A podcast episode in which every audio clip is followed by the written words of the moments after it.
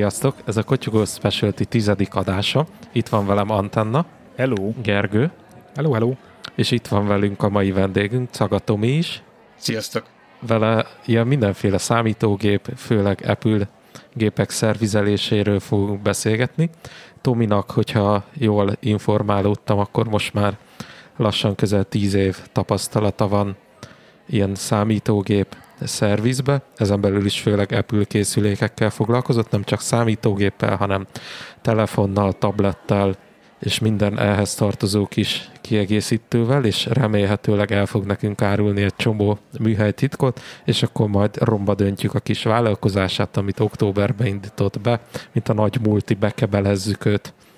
Mondjuk ez azért nem lenne jó, mert mi is hozzáhordjuk a számítógépünket szervizbe, úgyhogy célunk, hogy ez a kis vállalkozása minél jobban fusson, és minél többen megismerjétek, mert így kicsit spoiler ezek a, az adásból, vagy az elkövetkezendőkből. Tomival azért eddig mindannyian elégedettek voltunk, és ezért is hívtuk meg ide vendégnek, mert úgy gondoltuk, hogy kompetensebb a témában, mint mi. Te egyébként számítógépeket szoktál javítani, vagy ilyen dzsunka delleket is, mint ami az egyeseknek van a bajusz mögött? Nem neveznék semmit uh, dzsunkának, én pont nem vagyok az a típus, aki, aki bármiben különbséget tesz az alapján, hogy mi van ráírva vagy eszközre. Tehát ha valami jó, az jó, valami nem jó, nem jó. Nekem teljesen mindegy, hogy azt az Apple gyártotta, a, a Dell, a Microsoft, bárki, teljesen mindegy. Úgyhogy persze, gyakorlatilag azt is, igen. Volt már a precedens elég sok. Erre azért leszek majd kíváncsi, mert, mert biztos, hogy lesz olyan, olyan felvetésünk vagy kérdésünk, hogy, hogy érdemesebb-e a javítás szempontból nem Apple eszközt venni, vagy most már minden gyártó átment de ne csapjunk ennyire bele a, a adásmenetbe, hiszen Bence biztos, hogy egy, egy nagyon szigorú timeline-nal készült, hogy idővonallal, hogyha magyarosítani akarjuk ezt. Úgyhogy vissza is adom a szót. Visorráccsal. Figyelj, Tomi, a leges-legelső kérdésem az az lenne hozzád. Olvastam egy rövidítést rólad az interneten, ez pedig ASTO certer rendelkezel. Ez mi? A, az ASTO certifikáció, vagy ASTO, ez gyakorlatilag az Apple-nek a világon mindenhol elfogadott képzési rendszere, amit minden évben meg kell újítani.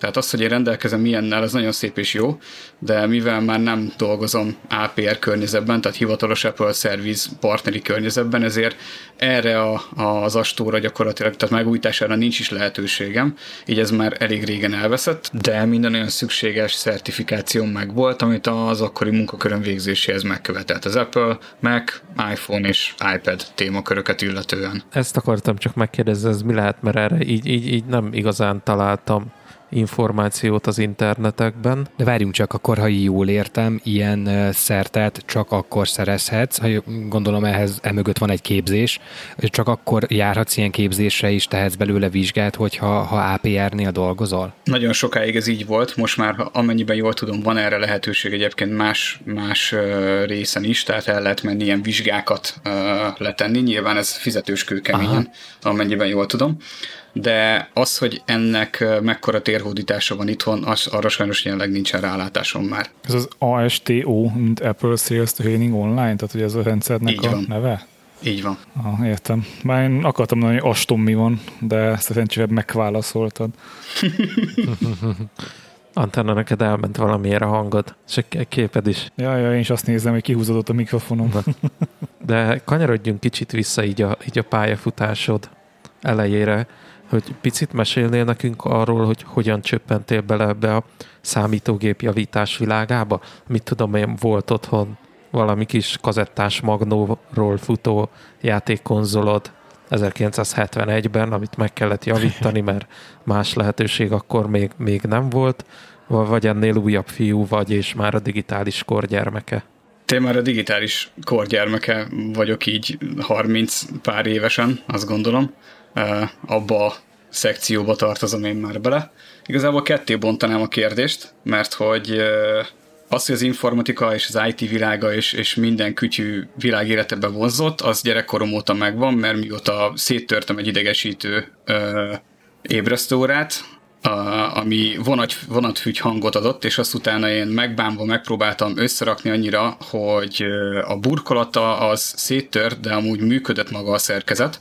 Azóta elindult az egész pálya, de nálam a, a Hát ilyen nagy, nagy pík az gyakorlatilag a, az első, első komoly, komolyabb okos telefonom, ami egy 3G-es volt, az, az hozta meg.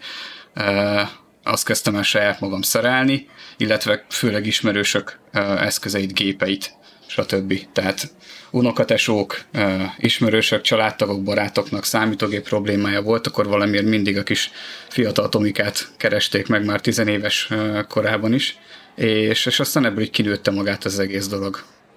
De akkor jól sejtem, nekem van egy másik műszerész ismerősöm, aki sok mindennel foglalkozik, például játékok javításával, tehát ilyen, ilyen elektronikai játékok javításával, de ha jól sejtem, akkor te eléggé szigorítod magad afelé, hogy mobilkészülékek, laptopok, ilyesmik, ami talán még egy szinten belje van, hiszen ezeknek az összeszerelése az, um, hogy mondjam, még nagyobb precizitást uh, igényel.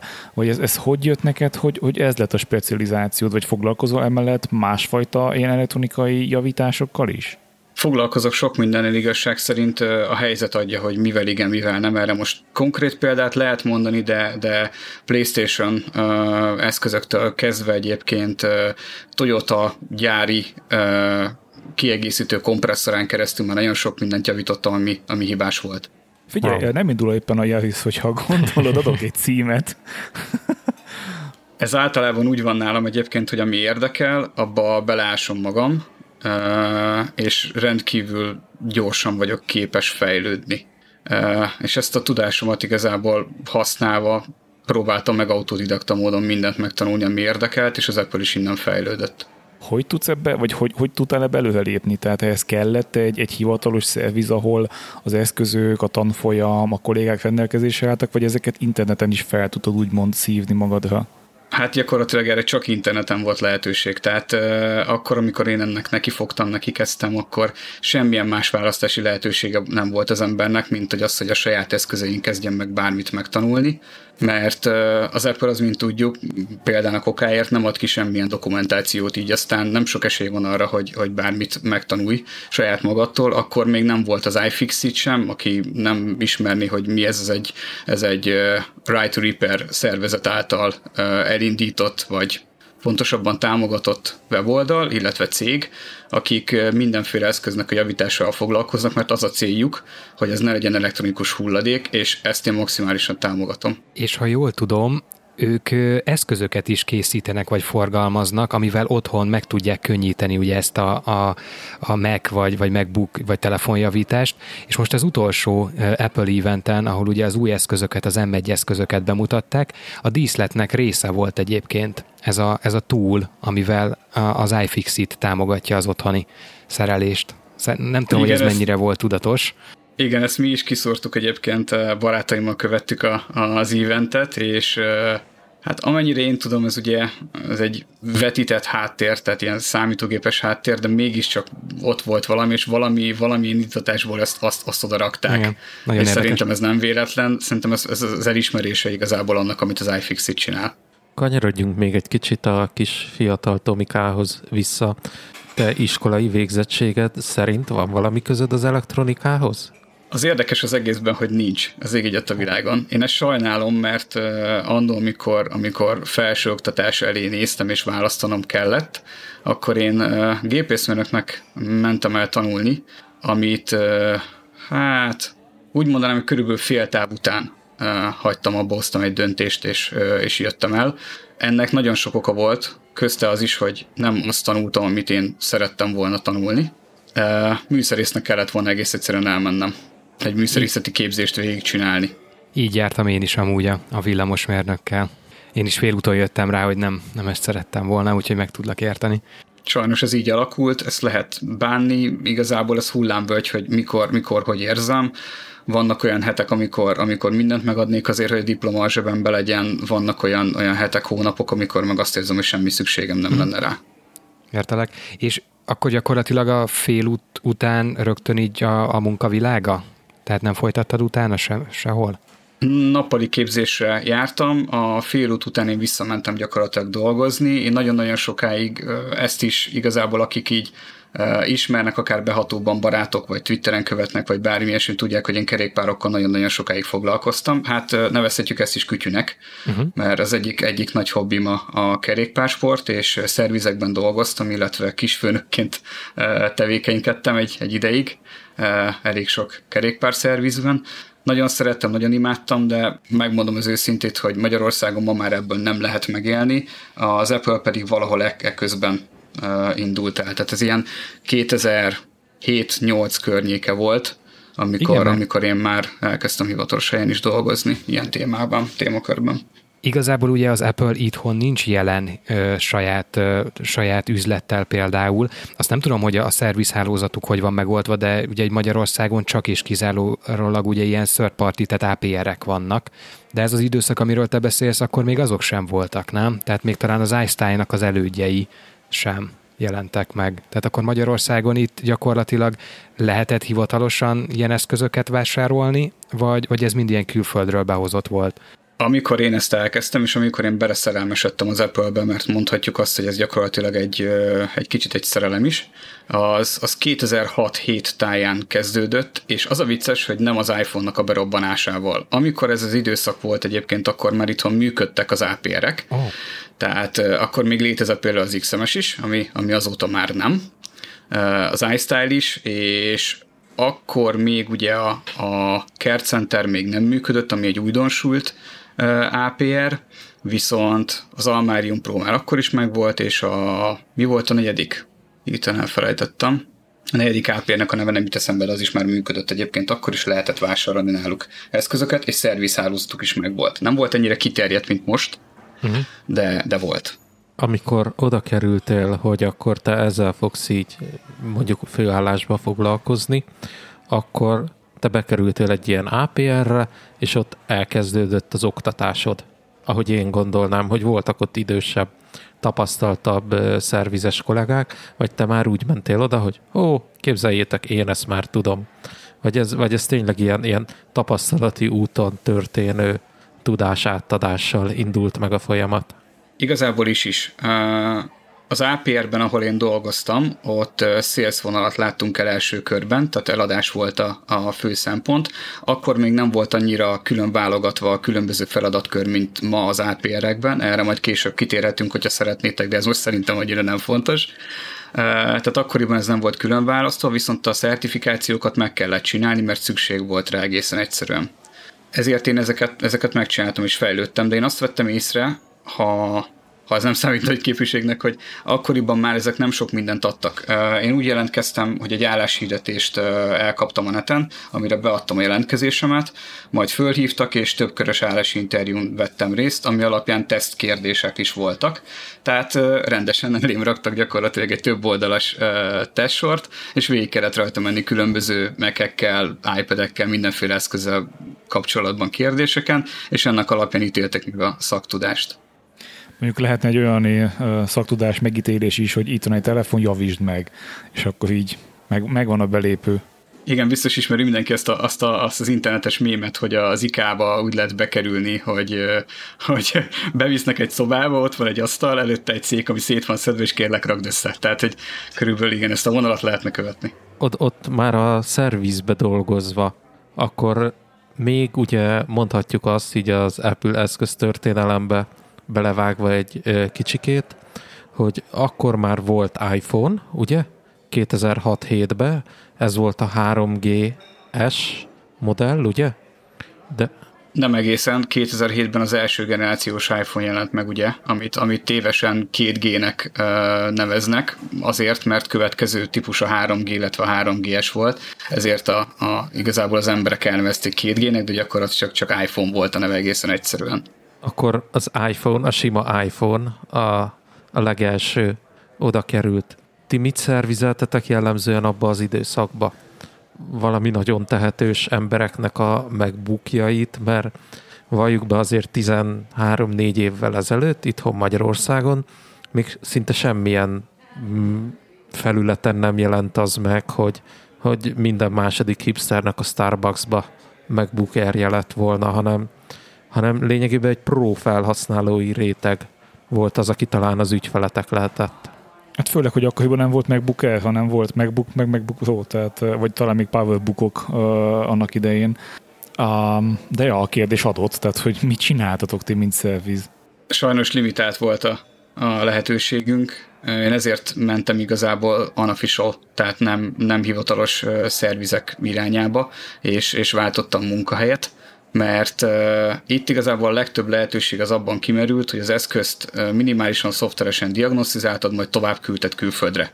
Tehát nagyjából ezek voltak a, a lehetőségek, uh, illetve az APR-ekben nem működött mindenhol szerviz, hanem a szervizpont az egy külön helyen volt a városban, ahova az emberek bevitték az eszközeiket, itt, itt mi maximum csak átvevő pontok lehettünk. Tehát tanulni, fejlődni lehetett, sőt igazából ezt, ezt, ezt el is várták, de, de az, hogy a szervizbe ö, bekerülj, az egyrészt kihalásos alapon működött, mert annyira be volt biztosítva mindenkinek a helye, és annyira kevés volt ezekből az emberekből, hogy baromira megbecsülték őket. Más szempontból meg ugye, mint mondtam, a különböző boltok, üzletek, amik az Apple égisz alatt működtek, főleg átviteli pontok voltak. Ez így van a mai napig is? Hogy valami központi közép-európai szervizbe kell kiküldeni? Van az is, de most már, most már kinyílt azért a lehetőségek tárháza Magyarországon is, azt, azt kell mondjam, és azt kell lássam. Tehát most már egyre több mindent megcsinálhatnak úgymond a szervizesek itthon is, anélkül, hogy az eszközt továbbítanák egyébként Írországba, küldik ki ezeket az eszközöket. Ha jól tájékozott vagyok, akkor Kork városában van egy Apple elosztói szervizközpont, ahova ezek az eszközök kerülnek ki, amik további elbírálás alá kerülhetnek adott esetben. De igazából teljesen mindegy, nem, mert ott is Kovács János fogja megjavítani, aki angliai magyar, mert az ország másik fele, mint tudjuk, ott él. Akkor ti itt elkezdtetek még csak igazából csipegetni azt, hogy milyen is lehet az, hogy Apple szervizesnek lenni, de te akkor fogtad magad, és inkább átmentél egy ilyen, nevezhetjük azt, hogy privát számítógép szerviz boltba, vagy kimondottan Apple szerviz volt már az is? Ez kimondottan Apple szerviz volt, igen, tehát csak és kizárólag Apple termékek evitásával foglalkoztunk, illetve hát ilyen némi kiegészítőnek az értékesítésével ez, ez, ez, ez volt a következő ponta az életemben, ami igazából meghatározó volt, és uh, itt már tényleg lehetőség volt arra, hogy, hogy rengeteget fejlődjön az ember, és szükség is volt rá, mert hogy jött minden évben az újabbnál, jöttek az újabbnál újabb eszközök minden évben, úgy nem volt senki, aki megmutassa, hogy mit kell csinálnunk, hanem saját magunktól és az internet adta lehetőségek által próbáltunk megfejlődni, és, és az ügyfeleknek segítséget nyújtani és megjavítani, amit csak lehet. De nekem ez kicsit furcsa. Tehát, hogyha az Apple már APR szinten itthon Magyarországon, tehát hivatalosan értékesíti a termékeit, és gyanítom, hogy elvárja, hogy akkor legyen valamilyen szervizhálózat is, de akkor ő hogy, hogy nem ad ehhez támogatást, tréninget, dokumentációt, és a többi. Ez nekem egy kicsit ilyen, ilyen fura ezek nem hivatalos szervizek, amiről már most én beszéltem, az APR-eken belül ma már, mint mondtam, elég jó támogatottság. Tehát, Aha. hogyha ott dolgozol, akkor nagyon sok mindenhez van lehetőséget hozzáférni, viszont mm, egy szinten meg is van kötve a szervizesek keze, a másik része az, hogy kikerülni viszont semmi nem kerülhet ki uh-huh. elviekben. Főleg az Gyakorlatilag ez, ez nyilván, hogyha az internetet nézzük, akkor ez nem egy megoldható dolog, tehát a az alaplapoknak a sematikábrai is kikerülnek nagyon-nagyon hamar. Most már az Apple erre is, erre is próbál nagyon-nagyon erősen odafigyelni, de, de igazából a 2010-es évek hát közepéig azt lehetett mondani, hogy, hogy szinte minden Apple eszköznek az alaplap szintű javításról szükséges ábra is kikerült. Mm.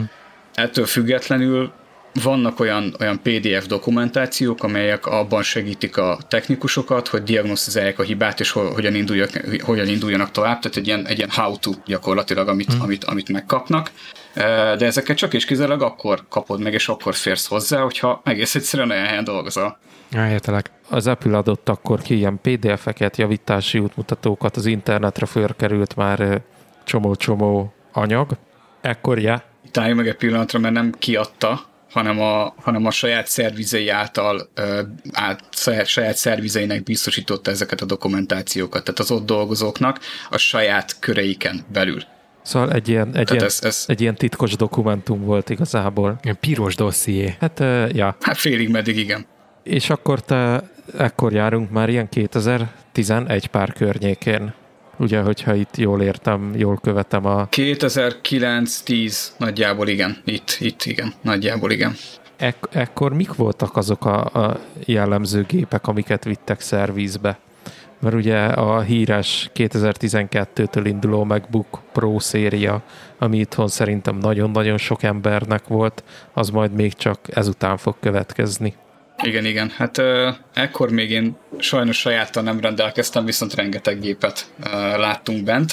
A legtöbb gond a fehér, nem Unibody szériás megbukokkal volt, ami ugye 2006-tól 2009-ig volt gyártásban, és ugye azért nehéz kérdés arra válaszolni, hogy az adott évben adott két évet lefedve milyen eszközök jöttek be, mert nagyon ágazó az, hogy az emberek milyen eszközöket használnak, és van, aki évente cseréli azt, van, aki pedig egy, egy adott laptopot, egy, mondjuk egy, egy Apple laptopot, az gyakorlatilag 6-7 évig is használ akár.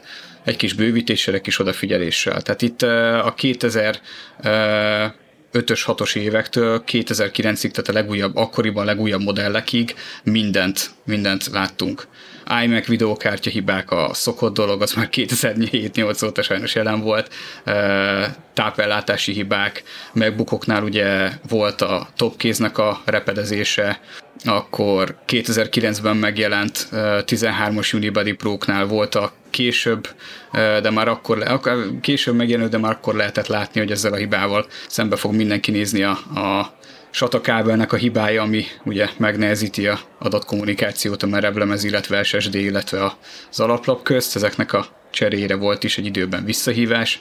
Ez nagyon szertágazó volt a dolog, és akkoriban még mentek az iPodok is Ó, tényleg. Ú, jó kis iPodok.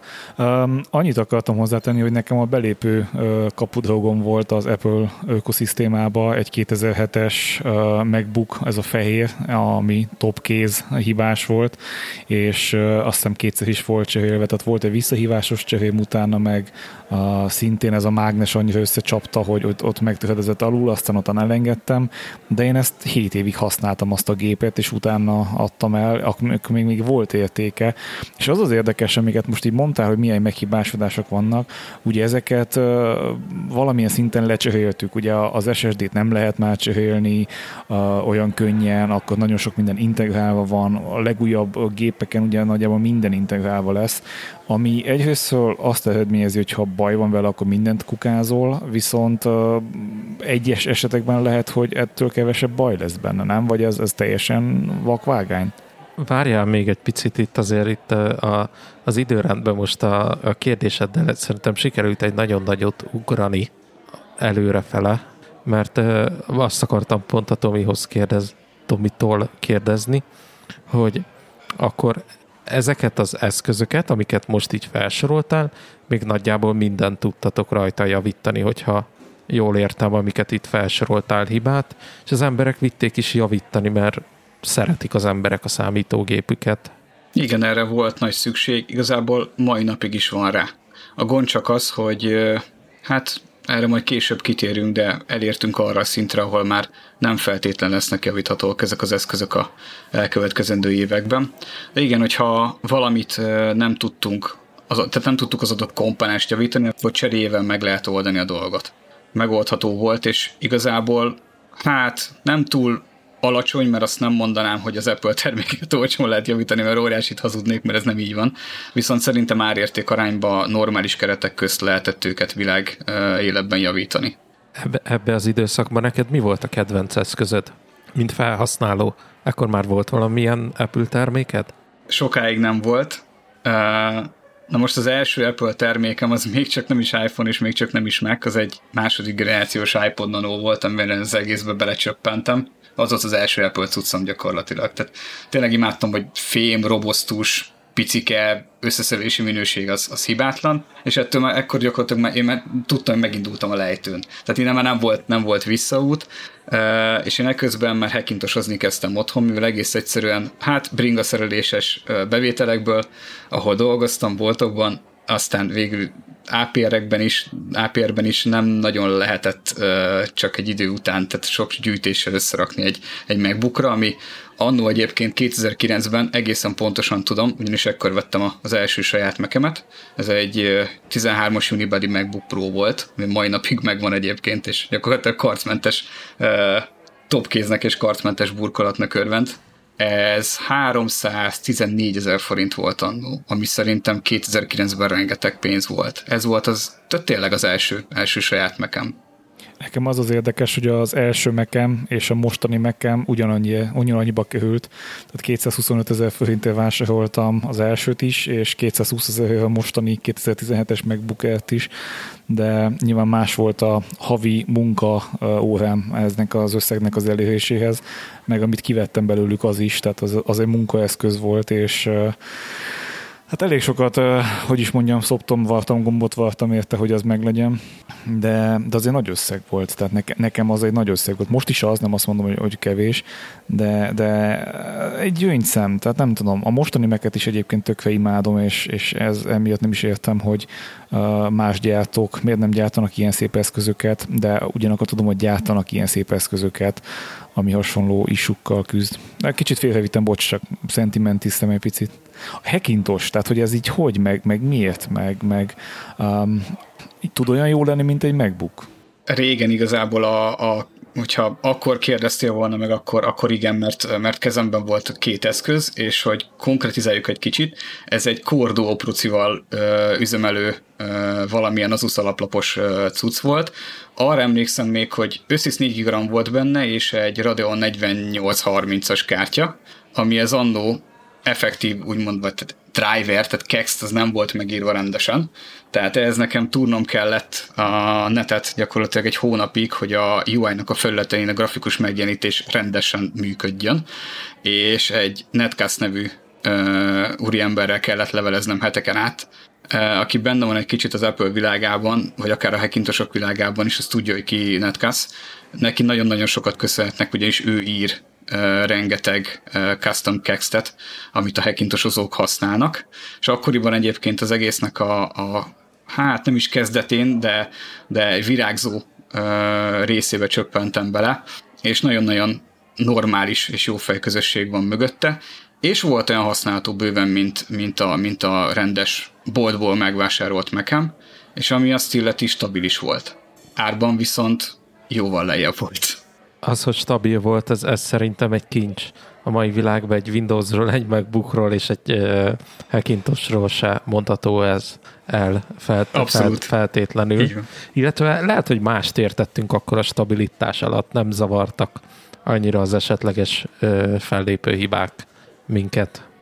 Nekem a stabilitásról annyi, hogy nekem így adták el, és én azért váltottam meg, mert akkor még, akkor, akkor már, és akkor még főiskolás voltam, meg utána viszonylag sokáig még, de hogy én ingáztam a, a, a napi munka, tehát napi 8 órás munkám és a, és a főiskola között, vagy hát napi 6 órás munkám, akkor 6 órában dolgoztam, mint ilyen technikus és nekem az fontos volt, hogy leérek a, a főiskolára, az albérletbe, ott kinyitom a laptopot, és amit még van, akár suliba, akár munkába, tehát amit használnak, használnom kell, az működjön, és nagyon sokszor volt olyan, hogy felnyitottam, és kék halál fogadott, és teljesen szétesett minden.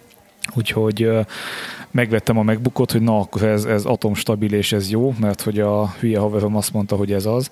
Hát nekem telepítés után egy fél órával sikerült egy ilyen uh, mekes kék halált előidézni, az a, tudod, az a szürke teljesen szétfagy, és nem tudsz vele semmit csinálni, csak aksi ki, aksi be aztán úgy voltam vele, hogy jó, hát ez biztos véletlen, aztán sikerült még egyet, um, úgyhogy akkor így voltam vele, hogy hát kösz szépen, tényleg, nagyon stabil, de természetesen utána elkezdtem így utána olvasgatni, hogy mi az, amit nem szabad csinálni meg bukkal, mert úgy értem, hogy ha ez ugyanúgy igaz a mac is, mint a windows ha meg bármi, hogy ha hülyeségeket telepítesz és össze-vissza kendácsolod, akkor az nem lesz jó, vagy hát tudnod kell, hogy mit hova teszel, és mit miért csinálsz, szóval ez se teljesen hülye biztos. Ma már lehet, hogy igen, de itt amivel ki akarok jutni, hogy te szoftveres oldalal foglalkozol, vagy abszolút csak a hardwarebe javítod, vagy javítottad úgymond az eszközöket? Szoftveres részben is iOS és, és OS X, vagyis macOS tekintetében ugyanúgy otthon vagyok. Tehát igazából, hogyha van valakinek kérdése, nagyon-nagyon sok esetben fejből tudom a választ, ha pedig nem, akkor meg elég hamar utána nézek, és meg tudom válaszolni az adott-adott kérdésre a megoldást. Ne haragudj, de ez a minimum, hogy otthon vagy. Egy éve erről szól a kormány kampánya, hogy maradj otthon. Jó, de ez nem csak most arról szól, tehát világéletemben egyébként előbbre jártam, mint ahogy a, a felhasználók legtöbbsége is. Ahogy kijött valami, én már a hibák, problémák után kutattam a neten, mert érdekelt. Meg hát a hekintosozás kihozza az emberből azt egyébként, hogy föl kell készülni mindenre. A, figyelj, akkor én, én nem vagyok annak híve, hogy más oldja meg a problémámat. Tehát én azt nem szeretem, amikor nekem lassú a gépem, és, és, és akkor feldobom, hogy na, akkor tessék, itt van, mond meg mi a baj.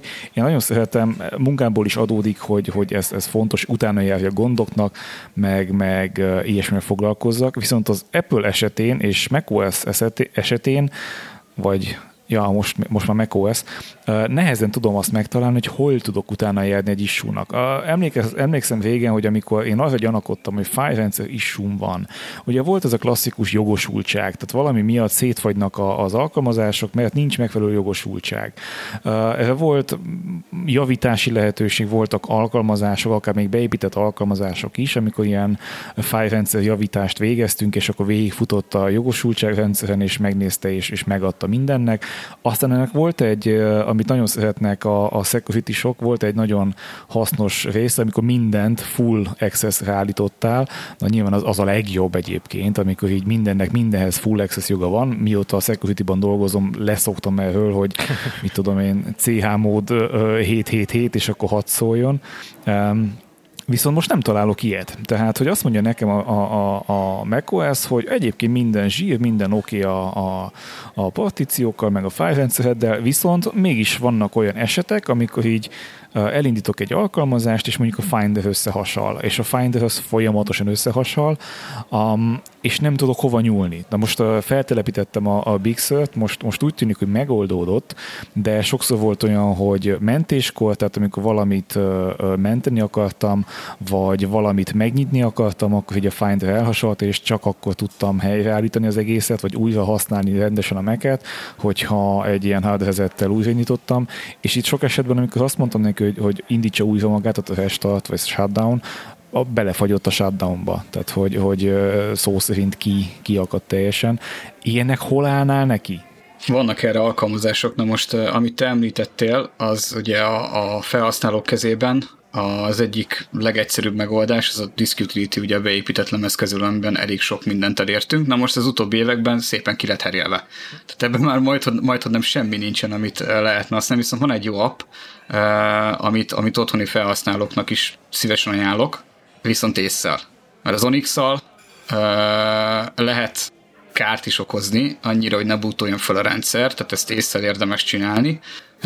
Viszont ez egy rendkívül jó app arra egyébként, hogy, hogy karbantartás és, és takarítási dolgokat az OS-ben meg tudjunk oldani, amit már a macOS magától nem enged.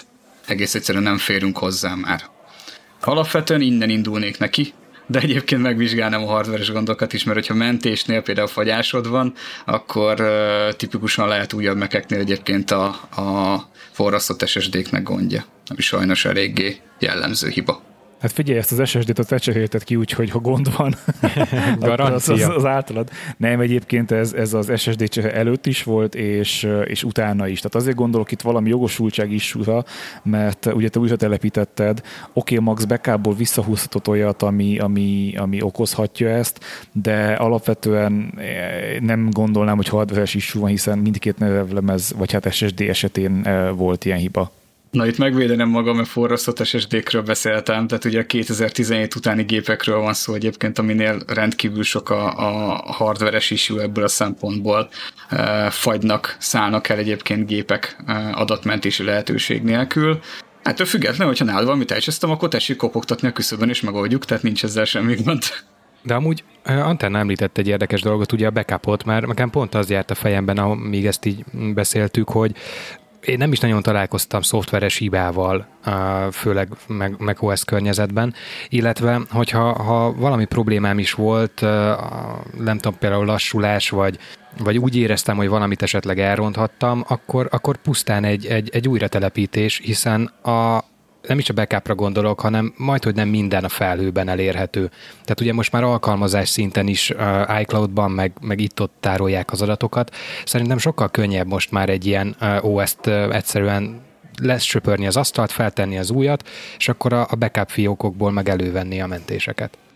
Meg, megint kicsit rá kell nézzek a, a körbetökre, mert jól előre szaladtunk itt a 2010-es évektől, amikor Tomi elmesélte, hogy lényegében tulajdonába került a, az első megbukja, itt az első Apple eszköze. Úgy, itt akkor te elkezdted lényegében egy, egy ilyen független Apple szerviznél a, a pályafutásodat.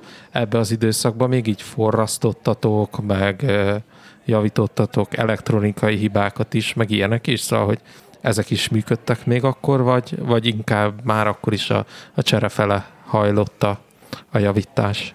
Akkor is már mentek a forrasztások, sőt, hogy ne, hát a nyári időszakban aztán tele voltunk tűzdelvázott készülékekkel, ugye jöttek a, a buli időszak, Sziget Fesztivál, stb. Ilyenkor rendkívül sok készülék ázott, de mindenféle uh, vízkáros hibával, uh, tehát folyadékkáros hibával, villámkárral, nagyon sok mindennel foglalkoztunk.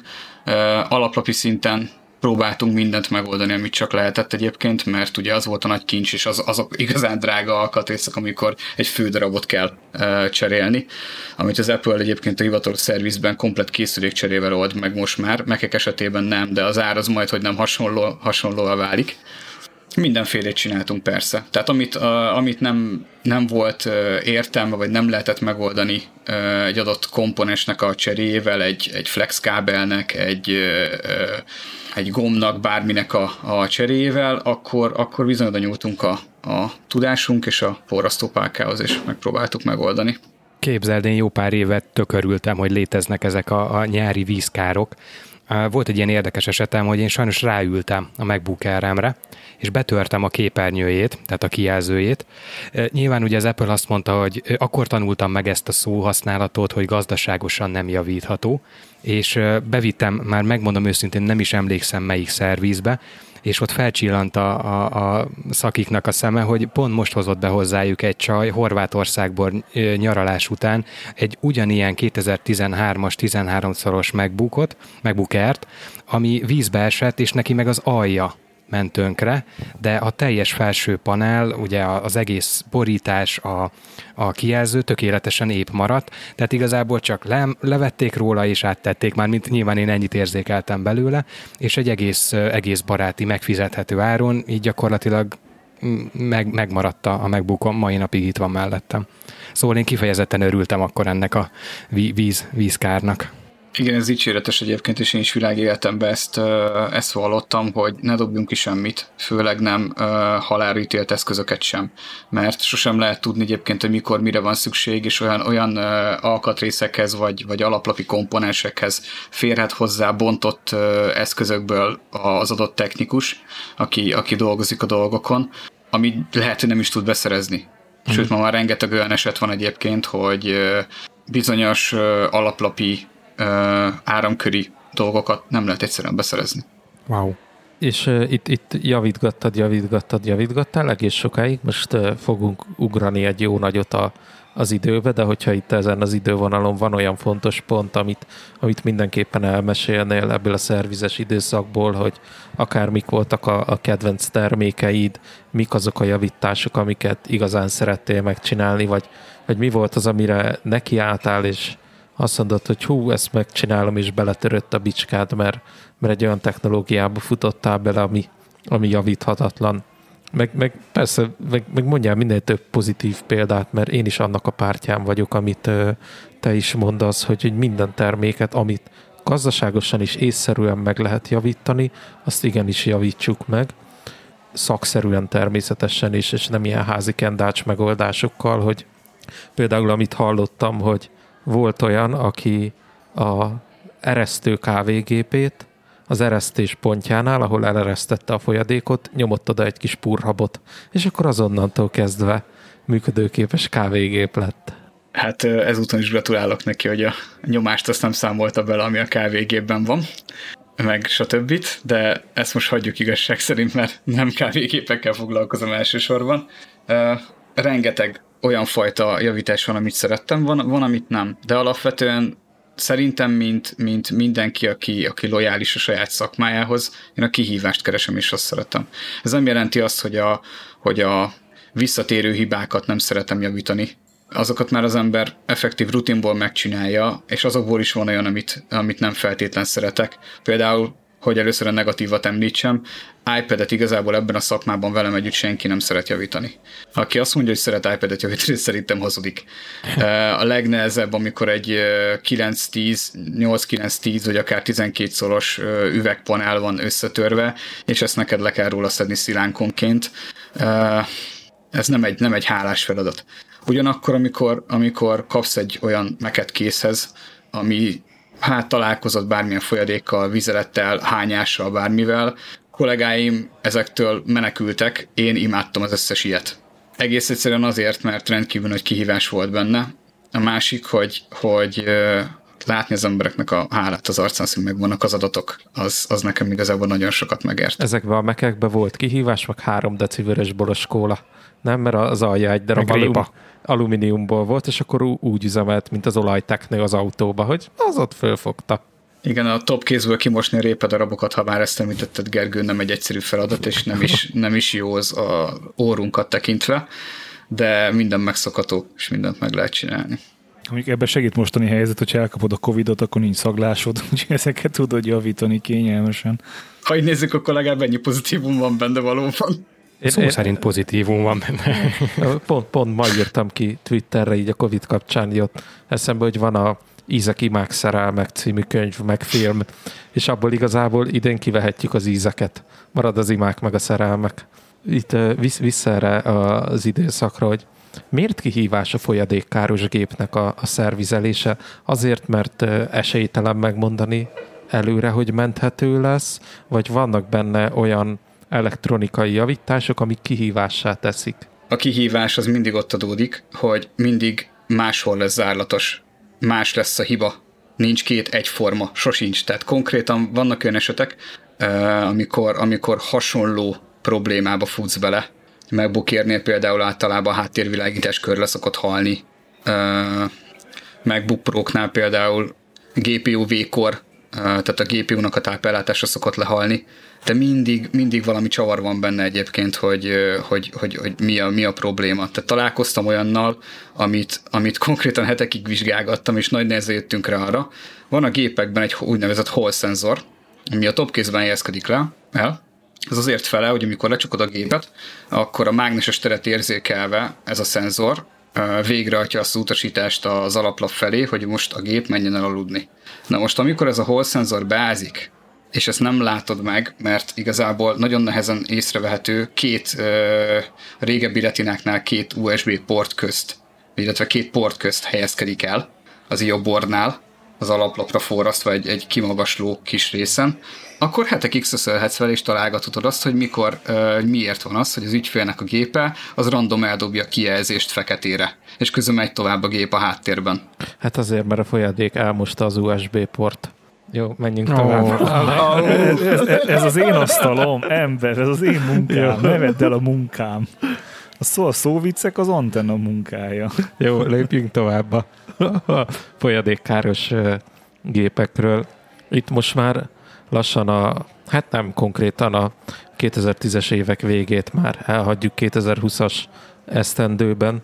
De mit tapasztalsz, hogy itthon Magyarországon az emberek szeretik az Apple termékeiket, szívesen javítatják, sokáig megtartják, vagy már itt is inkább az gyűrűzik be, mint mondjuk tőlünk nyugatabbra, vagy esetleg Amerikába, hogyha valami hibája van, akkor azt egyből kicserélik, mert mint vesznek helyette újat.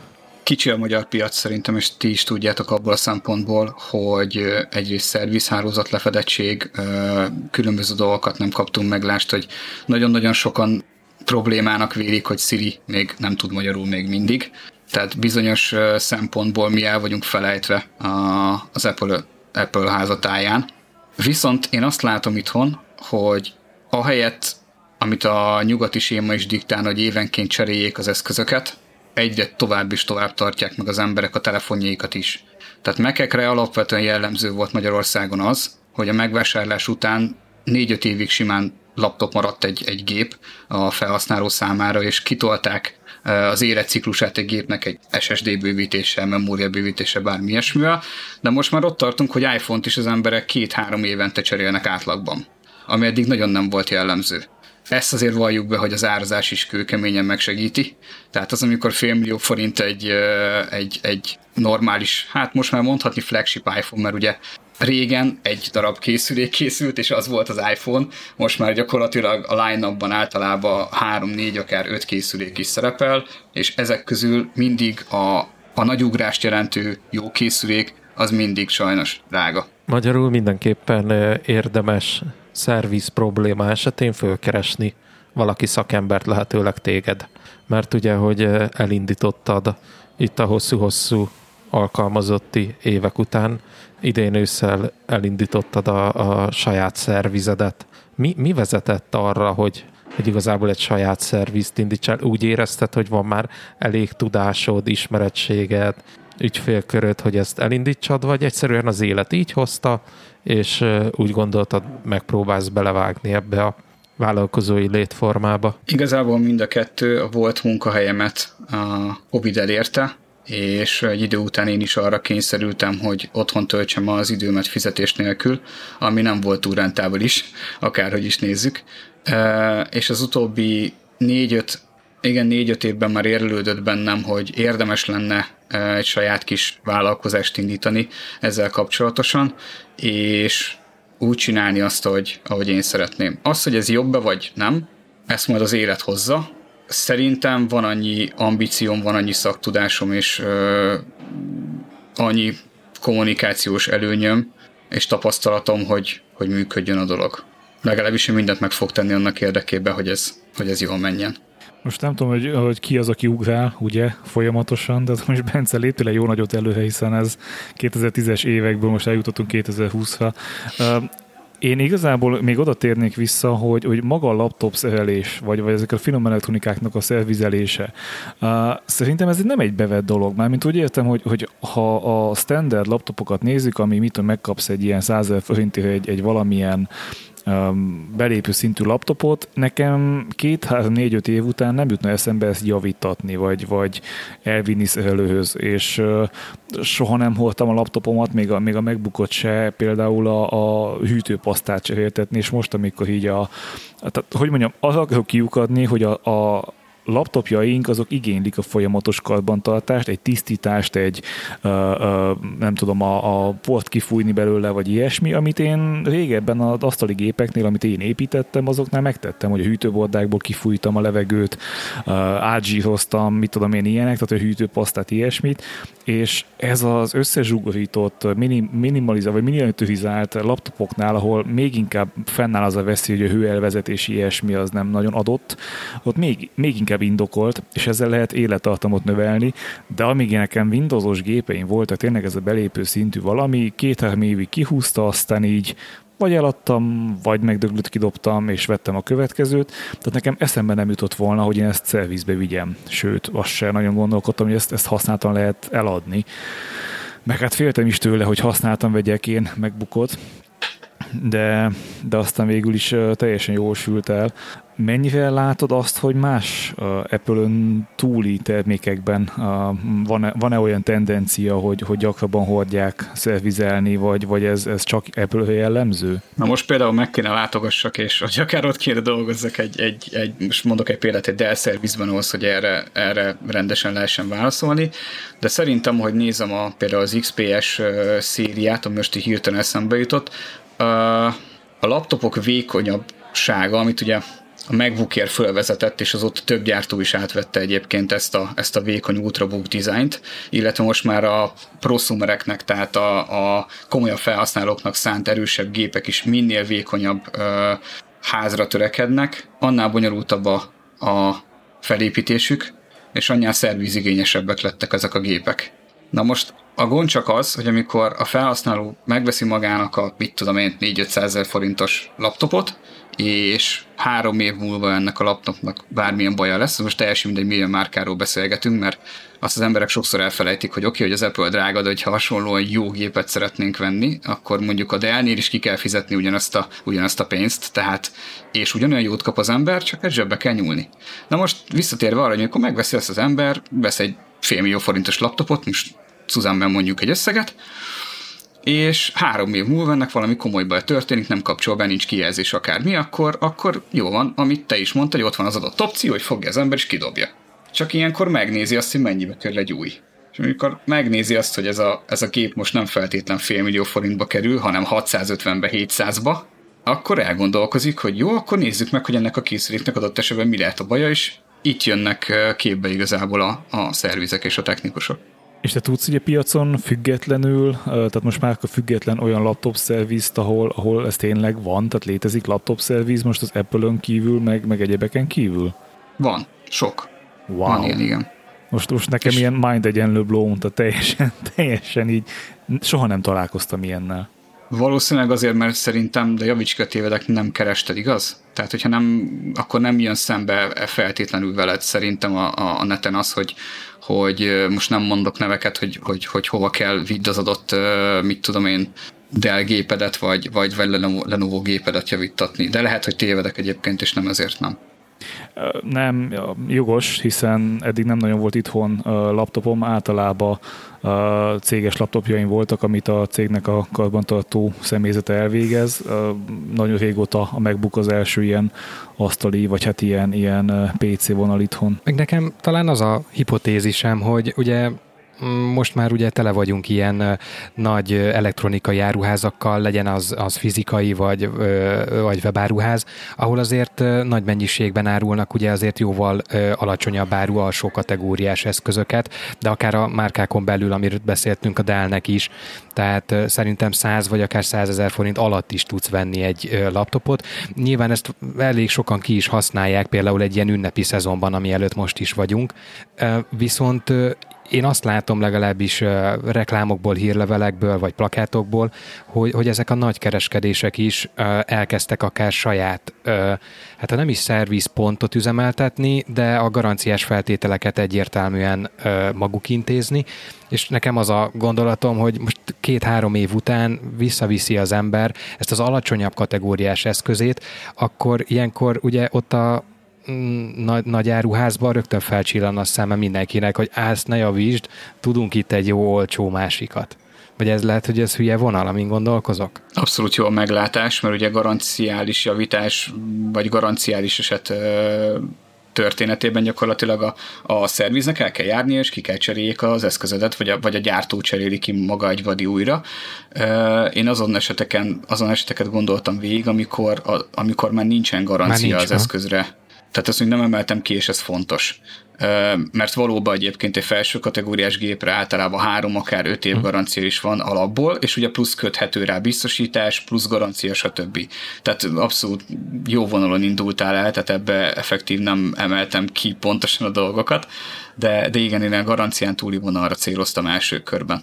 Ugyanakkor az olcsó laptopokra, amit te is kiemeltél, hát elég sok probléma van velük, kezdve azt, hogy nagyobb a szórás, és itt főleg a gyártás minőségre gondolok. Tehát az ember megvesz 80 ezer forintért Lenovo volt egy Toshibát, egy Delt, egy bármit, akkor szembe jöhetnek olyan, olyan problémák, hogy most nem fog konkrétat kiemelni, csak egy konkrét példát, de magát a terméket nem fogom megnevezni, hogy minél van az, hogy egy 86 ezer forintba kerülő laptopnál egy év alatt törik a kijelző zsanérja. Egy éven belül. És a szerviz sem tudja megcsinálni. És ez viszonylag, ez, viszonylag jellemző. Ez jellemző, igen. A zsanér hiba az konkrétan egy pont egy, egy nagyon jellemző hiba, de, de rengeteg ilyen van. Én nem azt mondom, hogy mindenkinek drága készüléket kell venni, mert, mert, mert Word fájlokat írni egyszerű böngészésre, vagy akár filmet nézi, bármi ilyesmi, ezek tökéletesek. Tehát nem kell százereket elkölteni szerintem, vagy akár válaszol valaki használt eszközt. Apropó viszont, ha használt eszközről beszélünk, mert erről is szó volt, hogy mondta Antenna, hogy, hogy például azt hiszem Antenna, te mondtad igaz, hogy nem, nem merné használt eszközt venni ha használt eszközről beszélgetünk, akkor mindenkinek azt szoktam javasolni, hogy vigyen magával valakit, aki ért hozzá, a hirdetést akár küldje el valakinek, mert feltűnő dolgok lehetnek egyébként leírásban, bármiben, képekben, ami neki nem biztos, hogy föltűnik. És a harmadik nagyon-nagyon pozitív dolog, ami általában igazából jó szűrő szokott lenni, hogyha benyögi azt az esetlegesen a vásárló, hogy ő szeretné elvinni egy szervizbe bevizsgáltatni, a bevizsgálási költségét ő állná, és szeretné megnézetni akár csak egy használt autónál, hogy milyen állapotban van a gép. Ha ilyenkor jön a mismásolás, át én erre most nem érek rá, nekem nincs erre időm, nem szeretnék vele foglalkozni, akkor azt ott el kell engedni. Az ilyen sok évig használatos laptopoknál van neked már, vagy hát biztos vagyok benne, hogy van ilyen bevált tapasztalatod, hogy, hogy mit, mint az autóknál, hogy ilyen szervizidő intervallumot, hogy mi az, amit mondjuk érdemes évente megcsináltatni egy laptopnál? Na most itt ugye játszik a korrektség is, ugyanis nagyon sokan keresnek meg még garanciális eszközökkel, és sajnos futottam már bele olyanba, nem kiemelve senkit és semmit, hogy fityet hányval garanciális tényre javítottak nem garanciális, nem, nem garanciális szervizben dolgokat, ennek után elég nagy problémái lettek. Én ezt szeretem elkerülni, tehát hogy hoznak valamit, akkor kifaggatom az illetőt, és, és beszélgetek vele arról, hogy mikor a gép, mert azt lehet mondani, hogy másfél évente érdemes egyébként egy hardveres karbantartást csináltatni, ami egy gyakorlatilag egy teljes belső portanításból áll, hogy egyrészt ezt a jó kis szigetelő réteget, amit a porad, azt, azt felszabadítsuk, a hűtőbordát kitakarítsuk, a ventilátor dettó, és ugye a hővezető pasztát cserélek a gépekben még pluszban, tehát ebből áll egy másfél évente esedékes karbantartás. Viszont azt meg kell jegyezni, hogyha megvesz valaki újonnan egy laptopot, akkor az ugye, mint említettük, beszéltük, pár évi garanciális lehet, mondjuk a, az Apple esetében, hogyha magánszemély vásárol itthon hivatalos helyről, akkor ott egy év garancia és egy év szavatosság van. Bár ezt sem tudják egyébként sokan, és ezt is mindenkinek el szoktam mondani, aki, akinek az eszközénél rájövök, hogy hoho, ez még szavatosságos ez a készülék, és, és forduljon akkor a megfelelő helyre, de, de másfél évente érdemes. Sőt, egyébként arról már ne is beszéljünk, hogy a gyártók, a, akik, akik ezeket az eszközöket gyártják, mennyire, uh, hogy is mondjam, rossz minőségű hővezető pasztát használnak, ami gyakorlatilag pár hónap alatt totálisan kiszárad, ezzel elveszti a dolgát, hogy őt vezessen. Hm. Érdekes. És ugye ezek, a modernebb laptopok, itt pont az elő volt ez a téma, hogy egyre kisebb helyre zsúfolják őket össze, és ugye most már jó néhány éve ez az ólommentes forrasztási technológiát köteles használni minden elektronikai gyártó. Ez az ROHS tanúsítvány egyébként. Erről azt kell tudni, hogy ez a technológia sokkal rosszabbul tűri a hőt, és mint, mint annak idején a hagyományos olmos forrasztási technológia, és sokkal hamarabb kimozognak például ezek a forrasztások. Én Apple esetén ilyen, ilyen klasszikus eh, hibának tudom például ezt a videókártyának, a, vagy videó chipnek, nem tudom mi a pontos megnevezése, újra golyózása, mert ugye elengedi magát a, az alaplapról, de ez, ez minden márkájú laptopnál előfordul, és én ezért is egyet tudok veled abban maximálisan ért, érteni, hogy, hogy mindenképpen ki kell takarítatni a gépet, és én ezt a másfél évet én még lehet, hogy inkább levinném egy évre, mert szerintem mindannyian tudunk jó sok olyan embert mondani, aki úgy használja a laptopját, hogy az ölébe veszi az ágyba, beteszi az ágyneműbe, és ott beszívja szépen a szőzt is, ami ott van az ágyneműbe benne videókártya uh, hibákat, illetve videócsíp hibákat említetted. Erre szeretnék egy picit kitérni, és, uh, és pontosítanék egy-két dolgot, hogyha megengeditek. Ugyanis uh, például a MacBook Pro esetében egyetlen egy hibafajtát kivéve nem a forraszpontokkal van a gond. Csak szeretik a szervizek elhitetni ezt az emberekkel. Hogyha rákeresünk YouTube-on Louis Rossmanra, aki a Right Repair mozgalomnak az egyik vezető tagja, és hát azt nem mondom, hogy a megnyerő személyiség, de zseni, de zseni, zseni a pali. Eszméletlen jó technikus, és tényleg, tényleg nagyon jó műszerész.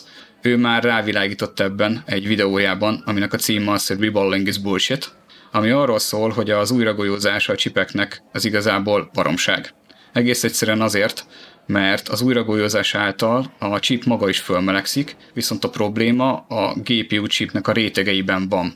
A réteg elvállás okozza azt, hogy szétesik a kép különböző anomáliák lépnek föl, fagyás, szürke képernyő, csíkozás, stb. stb.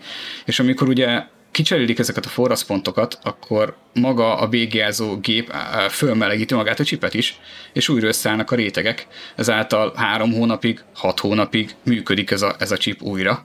Aztán megint előjön a gond. És ezért van az itthon, hogy rengetegen csinálják Magyarországon is ezt a Ribal nevezetű, vagy Riflow nevezetű dolgot, attól függ, hogy hol, hol hívek, hogy újragolyózásnak egyszerűen csak magyarul, de hát ez konkrétan badarság. Tehát ezzel semmit nem érünk el, csak kitoljuk a hiba megjelenését újból, csak és kizárólag a chipcsere az, ami megoldja ezt a, ezt a dolgot, viszont az meg nagyon sok régi meg esetében már nem rentából is. Tehát amikor 90 forintos javítási tételekről beszélgetünk egy 2011-es 15-szoros MacBook Pro-ban, ami a GPU hibáknak a, a melegágya gyakorlatilag, akkor már ez nem biztos, hogy megéri. De egy ilyen régi eszközhöz honnan lehet egyáltalán alkatrészt szerezni? Tehát, hogyha nekem lenne egy ilyenem, és azt mondanám, hogy de, Tomi, itt van a százezer, cseréld ki azt a csipet, honnan tudod beszerezni hozzá az, az alkatrészt? Na most ezt tudni kell, hogy ezek a bégiázó rendszerű gépek nem olcsók, és baromi nagy helyet foglalnak. Ez a mindkettő elég nagy gond tud lenni, de vannak itthon cégek, megbízhatók, akik csak és kizárólag cégekkel, tehát vállalkozásokkal állnak szóba, magánszemélyeket nem szolgálnak ki, és így a tíz év alatt én megismertem egy céget, akikkel dolgozok együtt, hm? és, és az ő minőségükkel én meg vagyok abszolút elégedve egyébként. Hogy válaszoljak viszont arra a kérdésre is, hogy honnan lehet beszerezni, Kínából, mint nagyon sok mindent. Itt nem az AliExpressre meg az eBay-re kell gondolni elsősorban, hanem meg kell keresni cégeket, akik nagy mennyiségű GPU eladásával foglalkoznak és beszállításával Aha. foglalkoznak.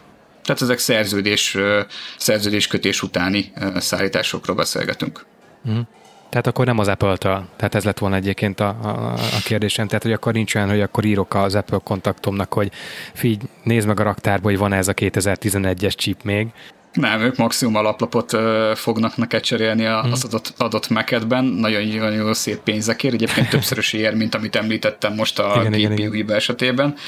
Viszont a, a poén az egészben, hogy amikor voltak a visszahívási programok, például az adott 2011-es említett MacBook Pro-ra, az Apple ugyanazt a chippel szerelt, ugyanazon a laplapot szerelte be, így egy év múlva újra megdöglöttek. Istenem, ez kemény. Itt a sok-sok hibával, meg szervizes tapasztalattal a hátad mögött te ma is el tudod azt mondani, hogy ugyanúgy szereted az Apple eszközöket, mint amikor az első iPod Nano a kezedbe került? akkor még nagy volt a szerelem, azért most, most már ez árnyalódott valamilyen szinten. Vannak olyan eszközök, ami, ami, amit imádok. Tehát nem került szóba, mert igazából nem, nem volt kérdés, de nekem a szerelem az a Mac Mini. Ugyanakkor most már a, ezzel az eszköztáborra is eljutottunk arra, arra a szintre, hogy a, még a Mac Mini, ugye, amikor Jobs még bejelentette az inteles időkben az elsőt, akkor, akkor azt mondta, hogy bring your own keyboard and mouse, tehát hozd a saját cuccodat, perifériádat, monitorodat, és itt van az olcsó Mac, használjátok. Én ezt imádtam, és és párom nem nagyon szereti ezt, de nálam minden évben van, volt itthon legalább 5-6 Mac Mini, ami, ami, ami folyton szinte minden évjáratból, meg kicsit belekattantam ezekbe, viszont már eljutott ez is oda, hogy baromi drága. Tehát ha megnézzük a mostani nem az új uh, chippel szerelt modellt is, az is bő 300 ezer forint fölött van, sosem volt még ilyen drága a Mac Mini. Tehát szeretem, viszont, viszont valami nagyon elgurult náluk gyógyszer szinten az árazás tekintetében. Most ez lehet, hogy megváltozik az új csipekkel, mert azért most úgy néz ki, hogy tényleg letettek valamit az asztalra, és, és megkerülték az Intelt, és az Intelnek a, a tutyimutyi fejlesztését, amit jelenleg produkálnak, de ezt majd az idő eldönti. Itt mindig az Intelről beszélünk, illetve ahol hallok, de ugye létezik más processzorgyártó is. Náluk is ez a helyzet, tehát ahhoz is, ahhoz képest is van-e teljesítménynövekedés, vagy, vagy elmondhatjuk, hogy az Intel jelenleg a, a vezető, és, és hogyha valami annál gyorsabb, akkor igazából mindennél gyorsabb. Ma már ott tartunk, az utóbbi két-három évet nézem, mióta az AMD-nek a Ryzen szériája felütötte a fejét, hogy az Intel gyakorlatilag jelenleg fasorba sincsen. Ez két szempontból jó a felhasználóknak. Az egyik az, hogy 6-8 magas Ryzen csipekkel szertettek olyan, olyan teljesítményre, amit sokkal olcsóbban kaptak meg. Míg az Intel az ilyen pár százalékos teljesítmény növekedéssel drágán ö, adagolta újra és újra. Hát, mondhatjuk az gyakorlatilag, mert fórumban volt erről nagyon-nagyon sokszor szó, én nem vallom teljesen ezt, de az Intel effektíve évről évre eladta majd, hogy nem ugyanazt a, a procit ugyanazzal a teljesítménnyel, minimum, minimális ö, ö, emeléssel, tehát minimális gigahertz emeléssel, bár most már, mint tudjuk, a gigahertz nem jelent semmit egy processzor esetében.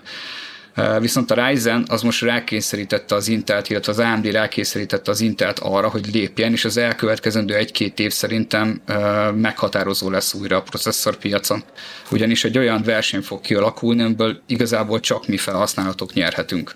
Mégis ugye az Intelről szól minden, tehát az Intel az Isten, és, és mindenben, a, tehát ők a piacvezetők szerintem, tehát hogy ha végignézed a kínálatot, akkor nagyrészt Inteles csipeket látsz mindenhol, de ez nagyjából mindig is így volt, hogy, a, hogy az, az Intelnek nagyobb volt a vízhangja, és, és sok esetben megzabálta az AMD-t, meg hát azért voltak az AMD-ben mindig ilyen kritikus dolgok, bár magam részéről én mindig AMD-s voltam, amikor még az asztali gépeket uh, uh, néztük. Visszatérve a, a, a Mac Mini-re, egyébként te most így egy rövid válaszban, te vennél az újból? Igen.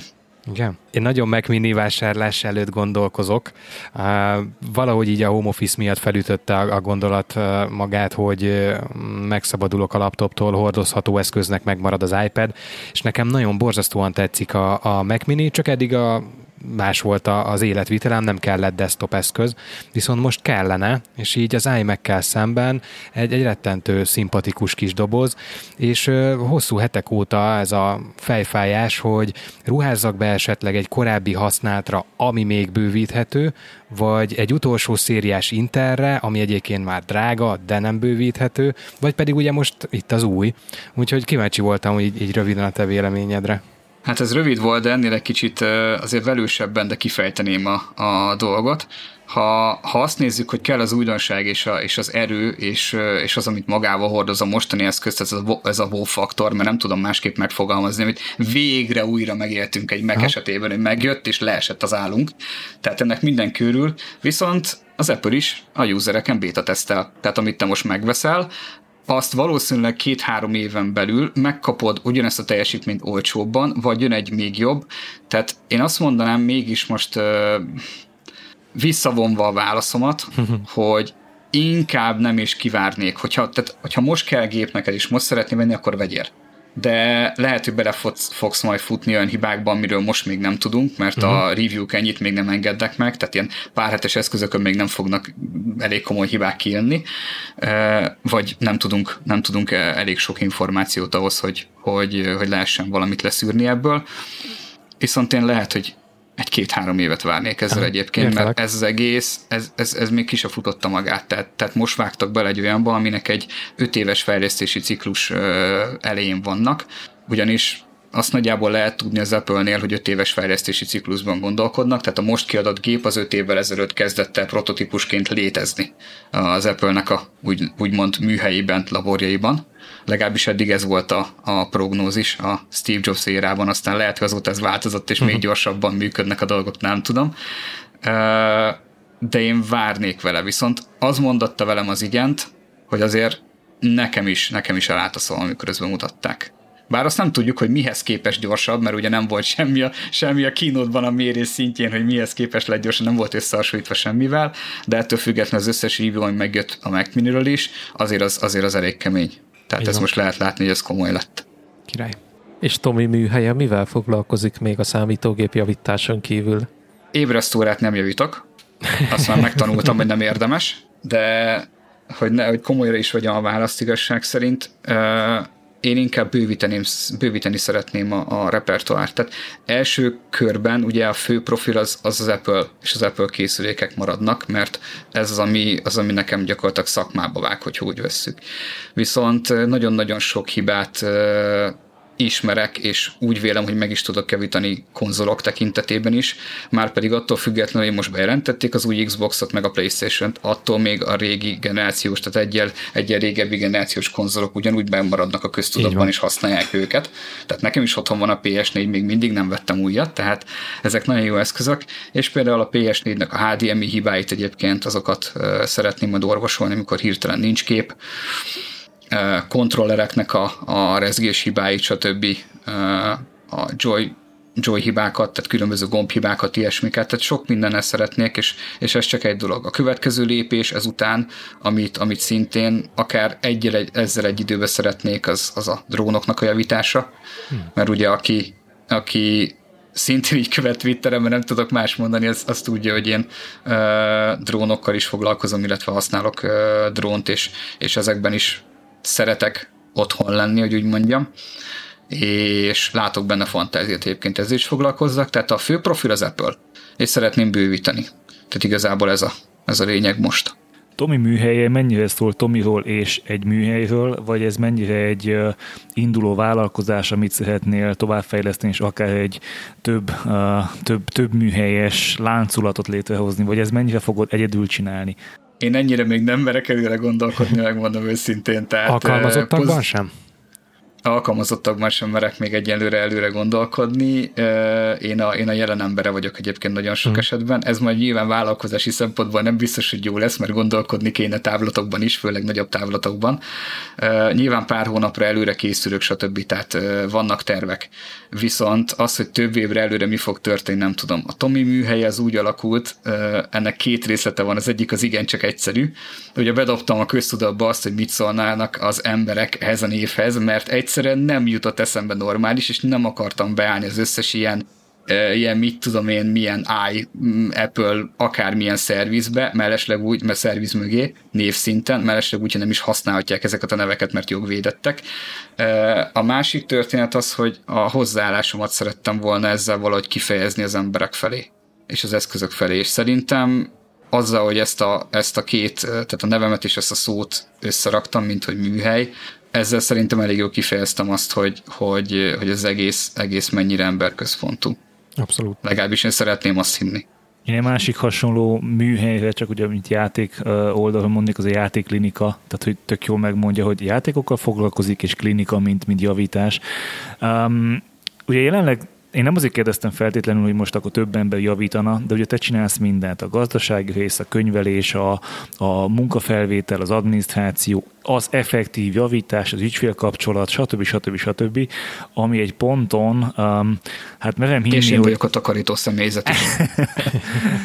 merem azt hinni, hogy, hogy nehezíteni fogja az életedet, hiszen lesz annyi munkát, hogy, hogy nehezen győzd, és egy ponton el kell azon gondolkodni, hogy akkor ezeket hogy, hogy szervezed ki, még hogyha javítás részt akkor is te csinálod tovább, de azért nyilván azt, hogy felvenni a munkákat, ügyfélel beszélni, stb. stb. Bár tudom azt nagyon jól az alfás szerelős szerelőmtől, hogy azért nagyon sok esetben az ügyfél kapcsolatot nem lehet különvenni a javítástól, hiszen az ügyfél el tudja mondani, hogy milyen hangokat hall, és ebből te el tudod mondani, hogy ez, ez mit jelent majd álban, vagy kb. időben, de, de hogy e felé fejlődnöd valószínűleg kelleni fog. A, a másik meg, hogy, hogy nyilván ilyen kérdést nem teszünk fel, hogy ebből meg lehet-e élni, de hogy a befektetett idő tekintetében ezt megéri csinálni a hobbin és a, és a, a szórakozáson kívül is, vagy, vagy ez inkább csak szórakozás és túlélés a jelenlegi helyzetben? De muszáj válaszolni, hogyha úgy érzed, hogy ez nagyon turkálás. Nem turkálás, igazából én sosem tehát nem, nem mondanám azt, hogy üvegzsebet csináljunk a dologból, mert nem gondolnám azt, hogy mindenkinek feltétlen százszerzalékban van betekintési joga a, az életem és a szerviz életének ez irányú részébe. Viszont azt elmondhatom, hogy hát jelenleg nekem felülmúlta a várakozásaimat, és, és, és megéri, megéri csinálni. Ezt nagyon jó hallani. Ez jó hír. Ez tök, jó tök hallani. Jó, tök jó, úgyhogy igazából Köszönöm. másfél hónapja indítottad be így a aktívabban a Tomi műhelye projektet. A weboldal készül? A weboldal készül, igen. Egy elég hosszú éjszakán vagyok túl tegnap, amikor is templéteket válogattam. Tomi barátom nekem elküldte a, a Temforest nevű oldalt, hogy, hogy nézzem ki, hogy nagyjából mi az a, mi az a világ, amit én, amit én szeretnék. Nyilván erre megvan egy, nagyjából egy recept a fejemben, hogy mi az, amit szeretnék, és majd a, majd a fejlesztőkkel fogom ezt, hogy mondjam, egyeztetni, hogy mi az, aminek valóságtartalma is van, tehát hogy mi baromság, és mi nem egészen egyszerűen lefordítva, hogy amit én szeretnék, az találkozzon azzal, aminek értelme is van. És most ott tartunk, hogy hát hirtelen ránézve egyébként egy pár oldali templétre, egy 30-nál járok, ami jó. Ezt kéne még, ezt kéne még erőteljesen szűkíteni, hogyha hétvégére szerintem megvan a munkám, hogy mit fogok csinálni. És addig is téged ugye Facebookon lehet megtalálni a facebook.com per Tomi műhelye oldalon, viszont hallgatóink, meg mi is imádjuk, hogyha turkálhatunk mindenkinek a magánéletébe. Nem ám ez vicc volt az ilyen sztároknak a, a, az élete mögé kicsit megtekinteni. Neked ugye Pedig van egy... te ebben te jó vagy, hiszen minden vendégüket olyan szinten átvilágítasz, és úgy felkészülsz minden, minden statisztikákkal, meg egyebekkel, hogy az már, az már az pihongató. Titkos ügynöki. Tominál is volt ilyen, vagy, vagy, vagy nem, nem készültél nem, nem, Most egyébként nagyon rendes voltam. Most az a két éjszaka, amit ott töltöttem a háza előtt, és a lehallgató készülékkel ültem a kocsiba. Lakóautóban. Lakóautóban.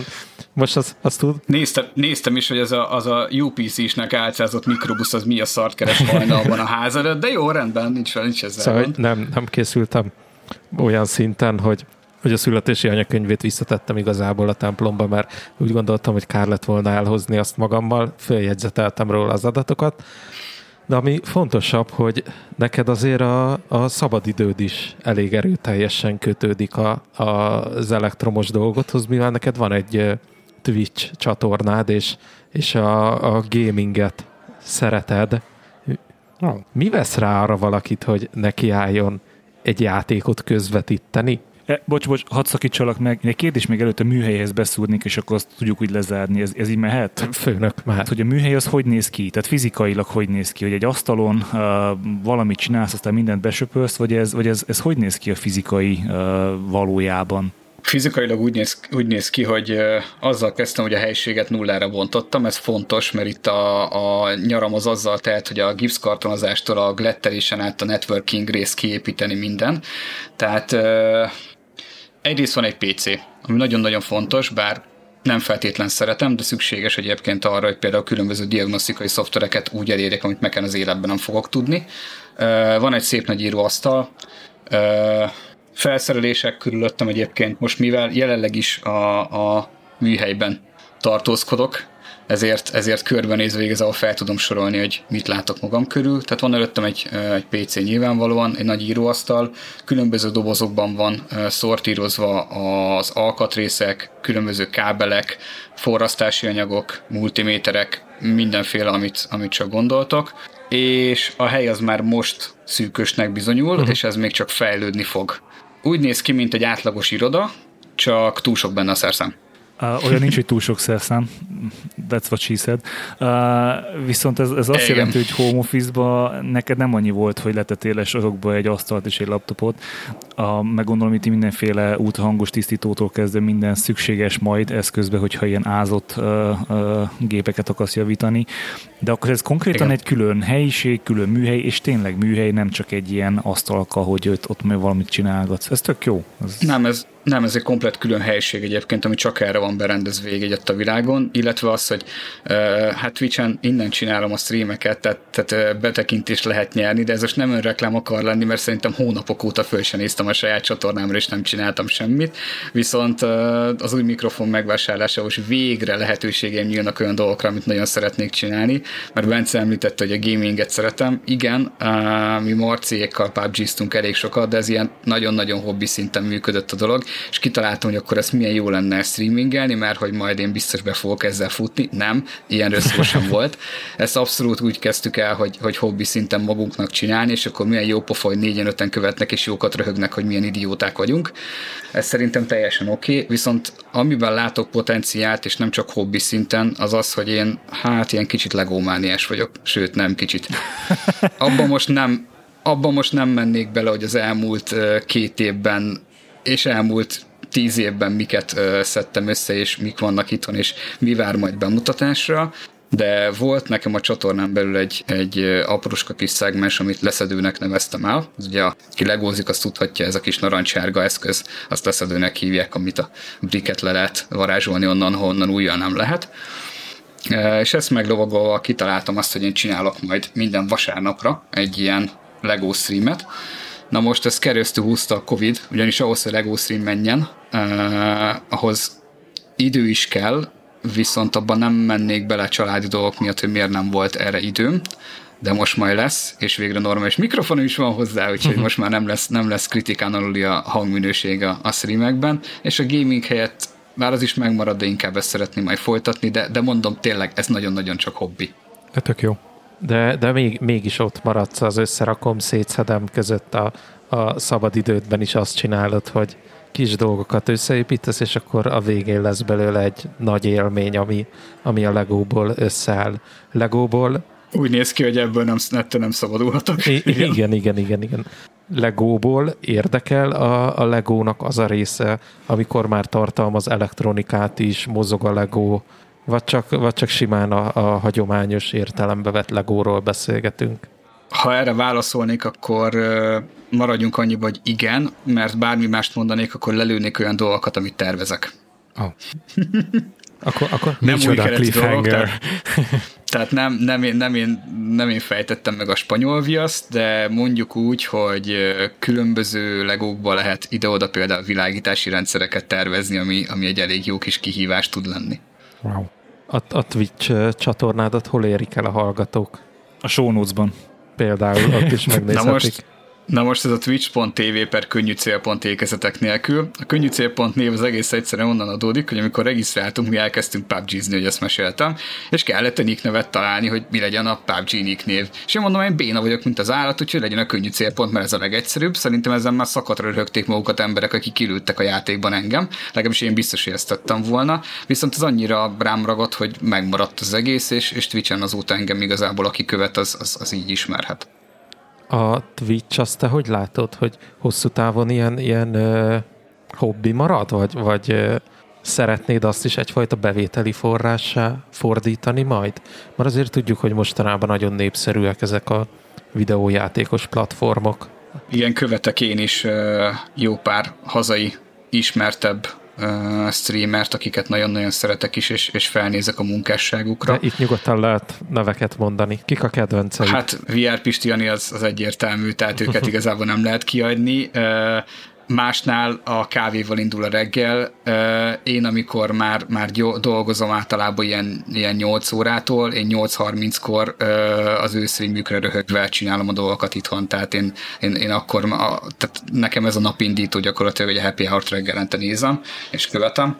Ők, ők leginkább, de hát ott van még Azmo egyébként, Blight is követem, Blight egész egyszerűen azért, mert olyan szinten higgadt, hogy én ilyet még nem tapasztaltam soha életemben, aki bármit csinált interneten, tehát én nem tudom, hogy tud én nyugodt maradni. Én azóta szerintem azért követem, próbálom azt a megmozdulását elkapni, amikor végre ideges lesz. Történelmi pillanat. Akkor az nagyon jól összhangban a VR Pistiékkel, tehát a, az Atom nem higgadt, ugye aki, akik a Rage videókból jöttek ki, meg meg a másik oldal, aki az Atom higgadt, tehát az így megadja az összhangot, meg az egyensúlyt. Igen, abszolút. Hát nyilván ez, ez, ez nálam is van, hogy, hogy bár alapvetően egy eszméletlenül türelmes ember vagyok, de nálam is szakad a cérna egy idő után, és egy Cat Mario videót, ha beteszek Pistitől egyébként, akkor az egy elég jó nyugtató tud lenni, mondjuk úgy bizonyos helyzetekben egyébként. Tomi, van még valami, amit szeretnél elmondani mindenképpen? Nekem még egy volt, de nem tudjuk igazából hova beszúrni, ami nekem ilyen, ilyen korszakalkotó volt. Nem voltam Dunajvárosi Főiskolán uh, Tominál, megnéztem, hogy ő hol tanul, meg mit csinál, amikor már egyetemisták, főiskolások voltunk, és a vágószobában mm, voltam náluk bent egyébként a, a kampuszon, ahol Power meg g gépek voltak, tehát a Mac Pro-nak az elődje, hmm. és ott kész engem, én elolvattam, és úgy kellett engem fölmosni, tehát én nem akartam kimenni. Tehát mondtam, hogy gyerekek, vagy egy olyat hazaviszek, vagy engem innen nem tudom, így, így le, kell, le kell vésni a falról. Tehát ilyen szinten, úgyhogy nekem ott eléggé elkattant a relé hogy, hogy én ezzel akarok foglalkozni, meg, meg, meg nekem ez kell az egész ökoszisztéma. Azt a titkot elmondjam, hogy én ott végeztem? Ott végeztél, tényleg a Dufon? Aha. hát, Tomi, nagyon szépen köszönjük, hogy ránk szántad a, az estédet, így, így kulisszatitokként elárulhatjuk, hogy ez volt az negyedik felvételi időpont, amit végül sikerült összehozzunk, és mindannyian mikrofon elé ülni. Nagyon szépen köszönjük ezúton is a rugalmasságodat. És igazából csak el... Én köszönöm szépen a meghívást. Köszönjük szépen, hogy ma is velünk tartottatok. A patreon.com per kotyogós podcast oldalon megtaláljátok minden hónapban a specialty tartalmainkat. Ide néha-néha fölrakunk egy-egy extra dolgot is, de ezek az adások a rendes feedbe is kikerülnek egy hónap késéssel weboldalunkon. A kotyogóspodcast.hu szájton megtaláljátok az adáshoz tartozó adásnaplókat, benne sok-sok érdekes linkkel. Twitter.com per kotyogós podcast oldalon vagyunk elérhetőek még, itt is írhattok nekünk nekünk, de az e-maileket is szívesen fogadjuk a kotyogós podcast kukac gmail.com címre. És ne felejtsetek el csillagot, pötyit, lájkot, szívecskét adni abban a podcast alkalmazásban, amit használtok. Sziasztok! Sziasztok! Sziasztok! Nagyon szépen köszönöm, sziasztok!